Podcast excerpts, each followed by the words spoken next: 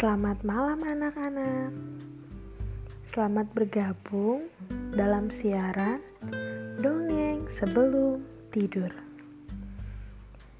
Sebelum mendengarkan dongeng, Ibu mau tanya, apakah anak-anak sudah gosok gigi? Wah, hebat, sudah gosok gigi. Bagi yang belum, jangan lupa untuk gosok gigi ya. Nah, sekarang waktunya kita untuk dongeng sebelum tidur.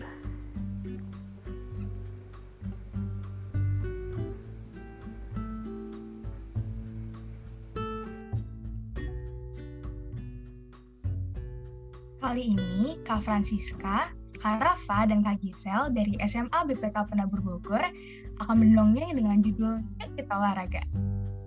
Hari Senin sampai Jumat, Lulu, siswa TK Pelangi, selalu aktif mengikuti kegiatan pembelajaran jarak jauh. Meskipun Lulu masih belajar di rumah, Lulu tetap bersemangat. Ma, besok hari Sabtu loh. Enaknya kita ngapain ya, Ma?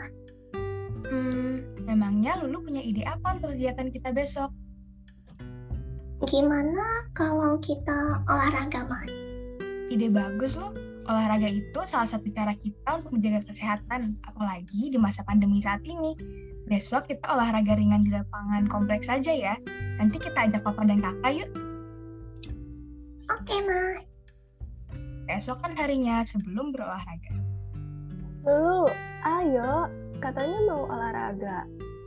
Iya, Kak. Aku habis galaktico dulu sebentar. Kakak tunggu di depan ya. Kak, aku sudah siap. Lu, kita pemanasan dulu yuk. Oke, Kak. Satu, dua. Satu, dua. Lulu dan kakak begitu semangat melakukan pemanasan karena pemanasan penting dilakukan sebelum berolahraga supaya tubuh tidak kaget saat berolahraga ya. Lu, hari ini kita bermain bulu tangkis saja ya. Iya, Kak. Aku setuju. Aku pengen bisa main bulu tangkis kayak Kak Gracia Poli dan Apriani. Boleh saja lu, mau jadi apa pun kita, yang penting kita mau berlatih dan berusaha dengan sungguh-sungguh.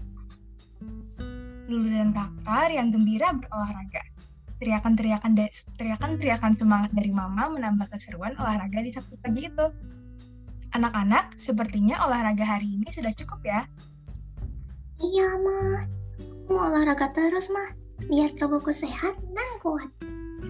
Iya, biar tubuh kita sehat dan kuat. Kita harus rajin olahraga ya, Lu.